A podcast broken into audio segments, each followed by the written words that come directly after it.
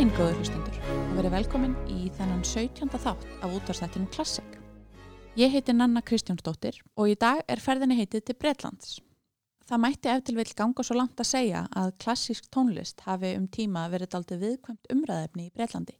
Því að þráttur að breytar hafi litið á sig sem mestu og bestu þjóð í heimi, þá gekk þeim á tímabili alveg hrapalega í að framleiða frambarileg tónskáld. Á tímum þegar þjóð var ekki þjóð með þjóðum nema að geta státað sig af áleitlegu þjóðartónskáldi þá var bara ekkert að frétta í Breitlandi. Að vísu var alveg blómlegt tónlistarlíf þar en það var meira á að minna allt innfluttu vinnuaflega þakka að borðið Hendel, Mendelssohn og Haydn sem allir voru af germanskum uppruna. Talað er um að frá því að Henry Purcell lést árið 1695 hafi ekkert brest tónskáld náð þeim hæðum sem þarf til þess að vera reglulegur gestur á efnisgram tónlistarhúsa heimsins. Þanga til Edvard Elgar kom til sögunar og Britannia andaði léttar. Loksins, þjóðartónskáld. Gullkálfurinn Elgar fættist hann annan júni 1857 í smábænum Lower Broadheath, rétt fyrir utan Worcester í Englandi. Hann var fjórða barn fóldra sinna af sjö en þau William og Ann Elgar voru bæði af læri stjættum. Fadir Elgars starfaði sem píanóstillari og fylguleikari og rak búð sem seldi nótur og lítil hljóðfæri. Móður Elgars var dóttir vinnuhjúa og rak heimilið þeirra hjóna. Því gefur að skilja að fjölskyldan hafði ekki mikið á milli handana. Fadir Elgars syndi tónlistamöndun sonar síns til að byrja með en í framhaldi fekk hann að læra hjá sérhæðum tónlistarkennara. Hann hlaut þó ekki hefðbundna mentun í tónlist sem ungur maður, gekk ekki í neina tónlistarakademíu eða tónlistarskóla til að læra tónsmíðar og kendi sér flest í þeim efnum sjálfur. Þetta átti síðar eftir að valda óöryggi hjá Elgar þegar hann bar sér saman við aðra kollega sína. Hann byrjaði ungur að semja. Meðal fyrstu verka hans var tónlist fyrir uppsetningu Elgarsískinahópsins á leikriti á heimilið þeirra þegar Elgar var tí ára. Hann átti síðar eftir að lagfæra verkið öllitið og gefa út undir nafninu The Wand of Youth. Tónlistarmentun Elgars var slítrótt og eins og áður sæði sá hann að mörguleiti um hana sjálfur en hann las allar bækur um tónlist, tónsmíðar og hljóðfæraleik sem hann komst í. Ólíkt flestum þeim tónskaldum sem fjallað hefur verið um hér í klassik, þá fann Elgar sig ekki við píanóið, heldur kaus fiðluna fram yfir það. Hann átti eftir að semja mikið af fallegum verkum fyrir fiðluna, meðal annars þetta hér frá árinu 1888.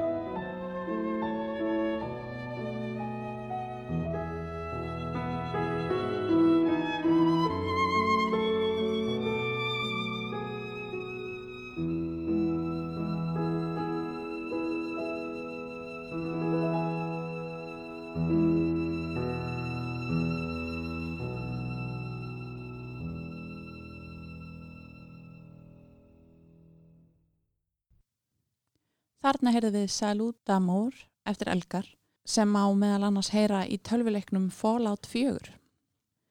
Sem táningur byrjaði Elgar að læra þýsku því hann batt vonur við að fá að hefja nám við tónlistarakademíuna í Leipzig sem var á þeim tíma eitt besti tónlistarskóli í Evrópu.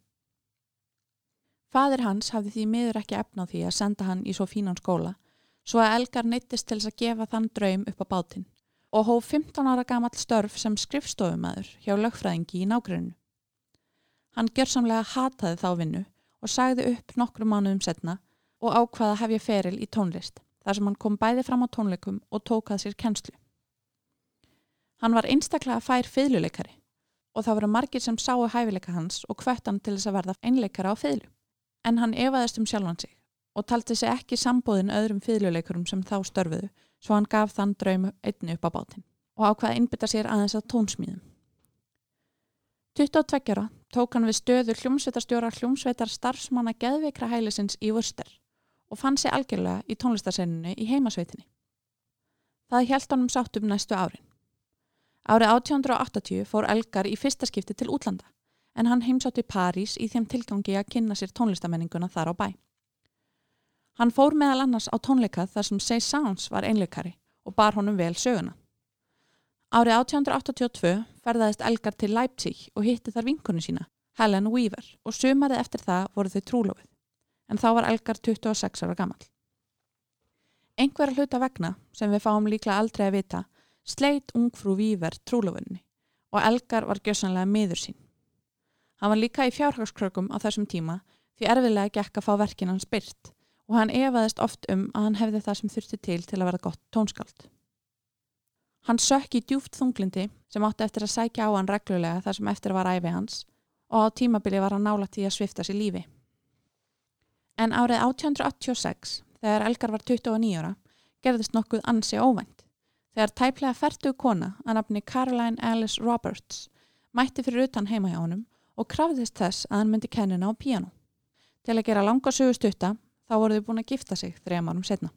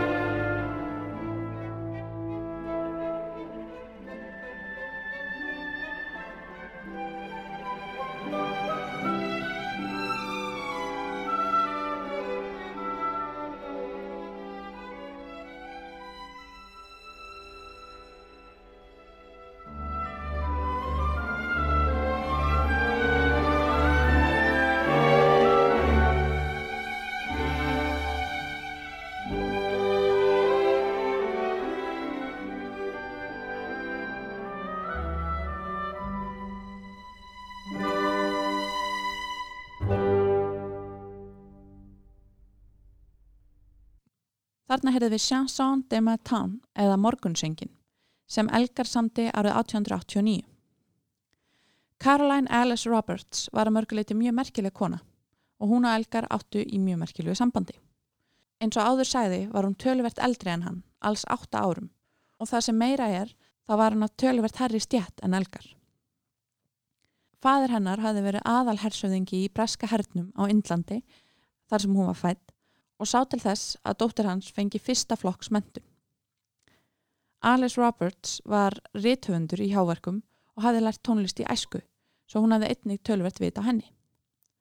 Það var mikið áfall fyrir fjölskyldu hennar þegar þau frétta því að hún heiðist giftast tiltölulega óþektu tónskaldi af læri stjettum sem væri í þokkabót 8 árum yngri en hún og í kjölfarið svo gott sem afneitaði fjölskyldan hennar henni og sviftana arfinum sínum. Kortnið sem fylgti mælin var þó að Elgar var kathólskur sem var ekki algengt á Breitlandi í þessum tíma og það stangaðist á við þá trú sem Alice var alin upp í. En þetta kom ekki veg fyrir að þau fjalli hugi saman og Elgar gaf verkið Saluta Amor sem hefðist hér fyrir þættinum í brúðköpskjöf. Ári eftir brúðköp þeirra, þann 14. ágúst 1890, fætist fyrsta og eina barn þeirra hjóna, Clarice Elgar, en nafni hennar er samsett úr nöfnum móður hennar, Claire og Alice.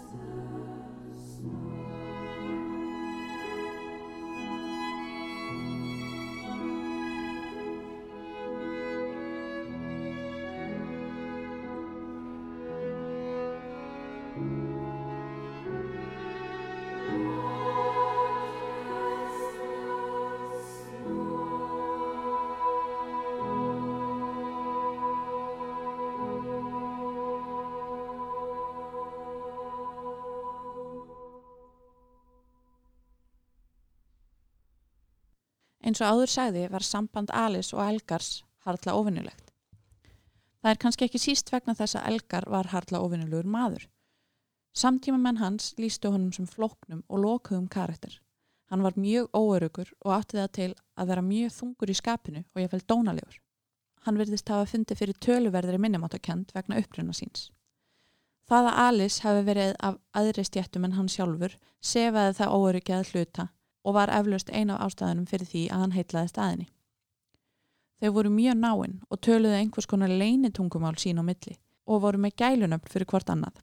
Hann kallaði hana Tiki og hún hann Edu. Að mörgu leiti gengdi Alice hlutverki einhvers konar blöndu af umbóðsmanni og klappstýru í lífi Elgars. Hún hafði alveg óbylandi trú á honum og þar sem hann hafði ofta ekki trú á sér sjálfur þá var þetta auka pepp mjög kærkomið. Fjárhagslegur stuðningur hennar var líka til þess að hann gætt einbytt sér að tónsmýðum frekar en einhverju öðru. Alice var með gott eira fyrir tónlist og hjálpaði og ráðlaði honum oft á tíðum í tónsmýðum sínum. Í eitt skipti þegar Elgar kom þreytur heim eftir langan dag settist hann við píanóið og byrjaði að spila í vonum að fyllast andagift. Alice var eitthvað að stúsa annar staðar í húsinu en kallaði allt í einu upp yfir sig. Þetta er fallegt. Elgari var byllt við og spurði hana hvað hún ætti við. Þá sagði hún þessi laglína sem þú varst að spila. Þá hafði Elgar verið að spila laglínu sem hún þótti lítið til koma en Alice sá fegurðina í henni.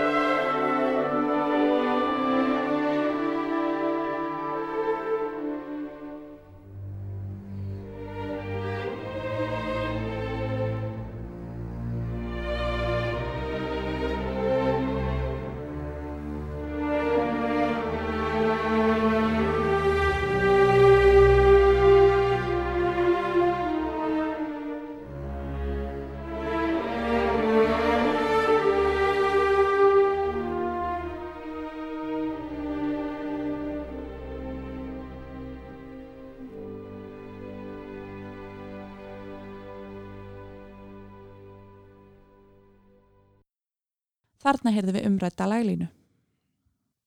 Elgar hugsaði með sér að þetta væri kannski ekki tilkomið mikið laglína en hún byði upp á marga möguleika. Þar fekk hann hugmyndina að einu af sínum frægustu verkum, Enigma tilbriðunum. Hann samtið tilbriðin frá oktober 1898 til februar 1899 og hvert og eitt þeirra er byggt á laglínunni sem við heyrðum hér rétt aðan. Innblásturinn fyrir hverju og einu tilbriði en þau eru 14 allt í allt er einhver manneska í lífi Elgars og ber tilbriði nafn viðkomandi. Meðal annars er eitt tilbriði til heiðurs Alice og eitt sem hann nefnir eftir sjálfum sér. Hvert og eitt tilbriði vísar annarkvort til karakters engjana viðkomandi eða einhvers atbyrðar eða enga húmors á milli Elgars og viðkomandi. Enigma tilbriðin eru enn þann dag í dag með vinsalli verkum Elgars meira að segja hefur verið gert nútíma tilbriði við þetta stef sem hljómaði í myndinni Matrix en það verður spilað hér í lók þáttar. Vinsalasta tilbreyðið er þó eflaust það sem heitir því óheppilega nafni Nimrod tilbreyðið. En Nimrod varð ekki uppnæmni fyrir rúmum 30 árum setna og það í bandarískri ansku. Tilbreyðið var til heiðurs vinar Elgars, Ágústusar Jóð Jæger, sem hafði kvart Elgar til dáða þegar hann var þunglundur og við það að gefa tónsmíðar upp á bátinn. Jæger hafði þá mynd Elgar á að Ludvig van Beethoven hafði samið alla sína bestu tónlist við svipaðar aðstæður og hvati hann þannig til að gefast ekki upp.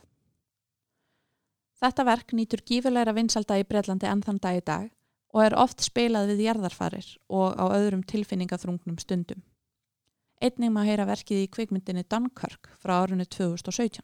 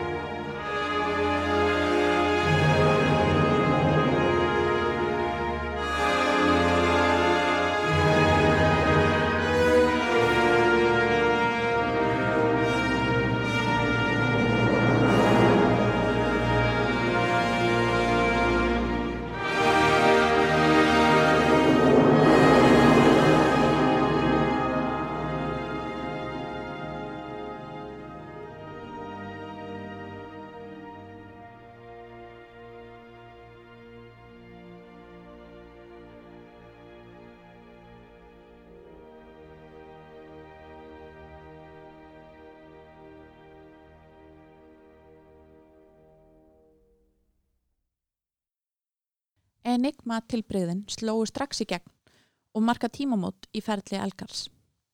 Hann hefði loksins náða sanna fyrir bæði sjálfum sér og öðrum að hann væri á réttri hillu, þá 42 ára gamal. Árið 1900 lést Arthur Sullivan sem þrátt fyrir að vera lítið þekktur í dag og að tónlist hans hafi eftir vil ekki elst sérstaklega vel, var vinsalasta tónskáld breyta á þeim tíma. Þá má segja að Elgar hafi tekið við stöðu eftirlætist tónskálds bresku þjóðurinnar sem beigð næstu verka hans með mikilli eftirvæntingu. Elgar vildi Olmur standast væntingar landa sinna og var því kátur þegar hann fekk alveg frábæra hugmynd. Hann sæði vinkonu sinni I've got a tune that will knock 'em, will knock 'em flat og þjóðin varð sko heldur betur ekki fyrir vonbreiðum. Haustið 1901 frumflutti Symfóníu hljómsveit Liverpoolborgar frægasta verk Elgars, Pomp and Circumstance, mars nr. 1.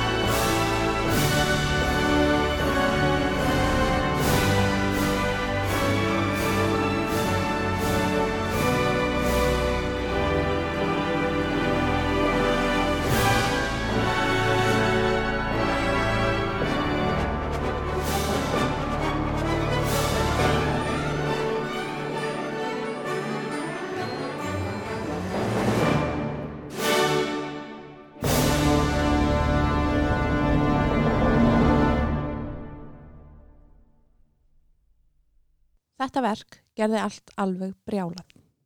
Áharfendur urðu óður af hrifningu við frumflutning þess og ákveðið var að flytja verkið aftur tveimtugum setna á því sem kallað er The Last Night of the Proms sem er lokakvöld árlegar tónlistarháttíðar sem haldin er á Englandi.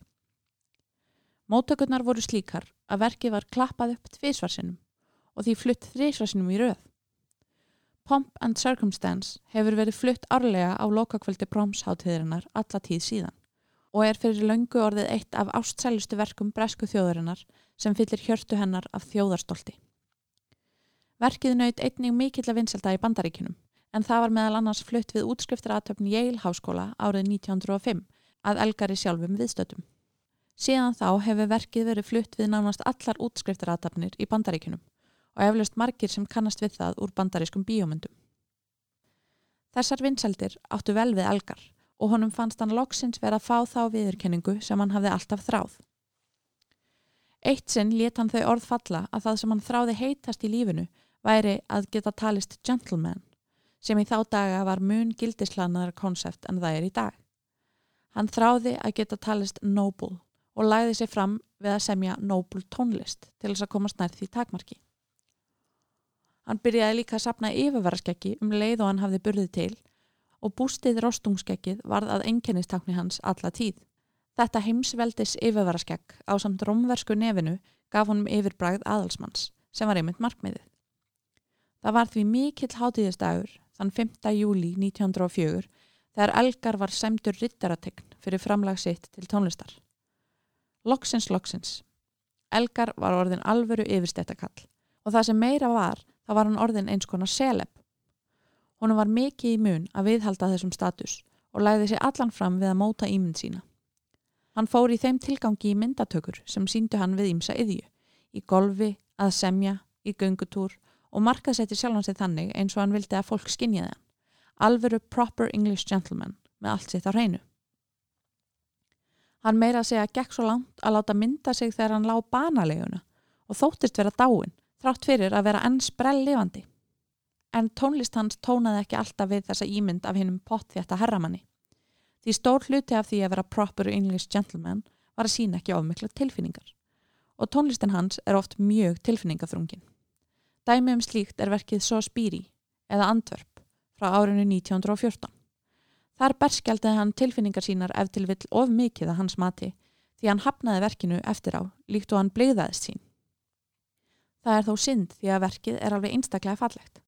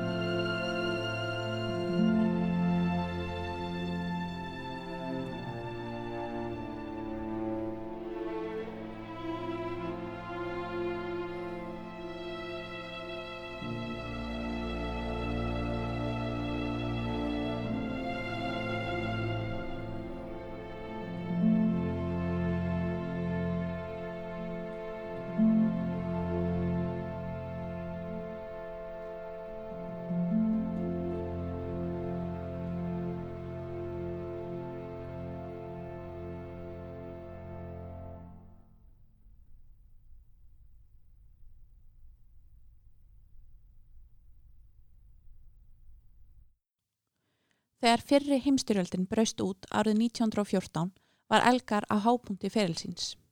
Verk hans Pomp and Circumstance sem var sungið með hennum mjög svo þjóðverðninshyggju og heimsvaldastefnu þrungna texta Land of Hope and Glory varð vinsætla sem aldrei fyrr og var notað óspart til að þjappa breytum saman á erfiðum tímum. En eftir stríðið tók við nýjir tímar. Sjálfsmynd breyta var smám saman að breytast og með því tónlistarsmekkur þeirra. Elgar fjall ekki lengur í kramið. Fólk tengdi hann við liðna tíma, það sem kallað er í Breitlandi því Edwardian Age, sem tók við af Viktoríutímanum. Það sem engtendi það tímabil í hugum fólks var íhaldsemi, heimsvaldastefna og fortíðaþrá. Allt hlutir sem fjallu ekki í kramið hjá bretum sem horfið fram á veginn til nýra tíma. Litið var á elgar sem hálgerðan fortgrip sem var búin að missa allan relevans og honum var hálpartinn kastað til hliðar.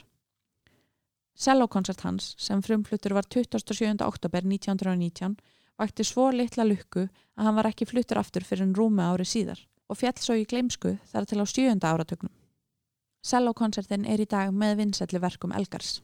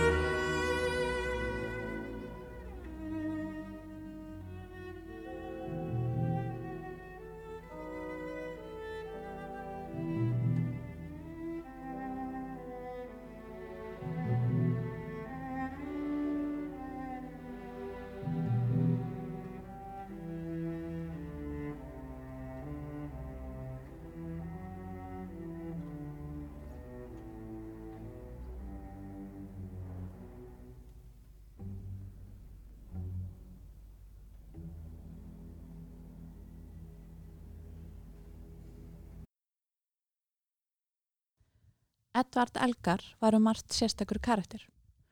Hann var fullur af andstæðum, af læri stjættum en læði mikið upp úr því að viðhalda yfirstjætta ímyndsinni á setni árum, var lokhaður og óaðgengilegur karakter en samti tilfinningaþrungna og einlega tónlist og virkaði sjálfsörugur og með allt sett á hreinu út á við en fann fyrir miklu óöryggi innst inni. Hann var afara vinsæl meðal kvenþjóðurinnar enda myndalegur maður og frægur í þokkabót. Þó svo að hann og Alice Roberts hafi verið gift allt þar til hún dó árið 1920 þá átt hann margar kærustur svona on the side. Meðal annars eina sem hétt líka Alice en hann kallaði alltaf Windflower til þess að rugglaðum ekki saman. Eftir að upprjónulega Alice dó var Elgar alveg miður sín og saðist hafa fundið til samviskubits yfir sambandinu þeirra. Hún var alltaf meira í móðurhlutverki en nokkuð annað og Elgar sá eftir því að hafa farið á bakveðana. Þegar Elgar hafði Alice ekki lengur sér við hlið til að hvetja hann áfram við tónsmíðar, hætta hann nánast öllu slíku bastli og fór að sína öðrum áhugamálum sínum að fullum krafti. Hann var meðal annars mikill fótbolltaðadandi. Hann hjælt með Wolverhampton Wanderers og samti fyrir það á anþemið He banged the leather for goal. Ef hann var ekki á fótbolltaleik, við kappreiðar eða rúnda um sveitina með enga bílstörunum sínum, naut hann lífsins heima með hundurum sínum tveim af ennsku terrierkinni Marko og Mínu sem hann elskaði út af lífinu og þau áttu bæði sína eigin hægjandastóla á heimili hans sem engin annan mótti setjast í en þau. Eitt af síðustu verkum Elgars heitir Mína og er samið til heiðurs tíkarinnar góðu. Á fjörða áratögnum var nokkur skonar Míni Elgar Revival. Breska menningareltan tók Elgar aftur í sátt og honum var sínt svo virðing og þakklæti sem hann átti skilið fyrir framlagsi til breskar menningar. BBC skipulaði meðal annars sérstakt Elgar Festival árið 1932 þar sem hann kom sjálfur fram, rétt í tæka tíð fyrir alvarlega veikindi hans sem hófust árið setna. Edvard Elgar lést úr ristilkrabamenni 76 ára gamal þann 23. februar 1934. Elgar sagðist ekki hafa neina trú á lífi eftir döðan og sagði að sín byði Nothing but complete oblivion.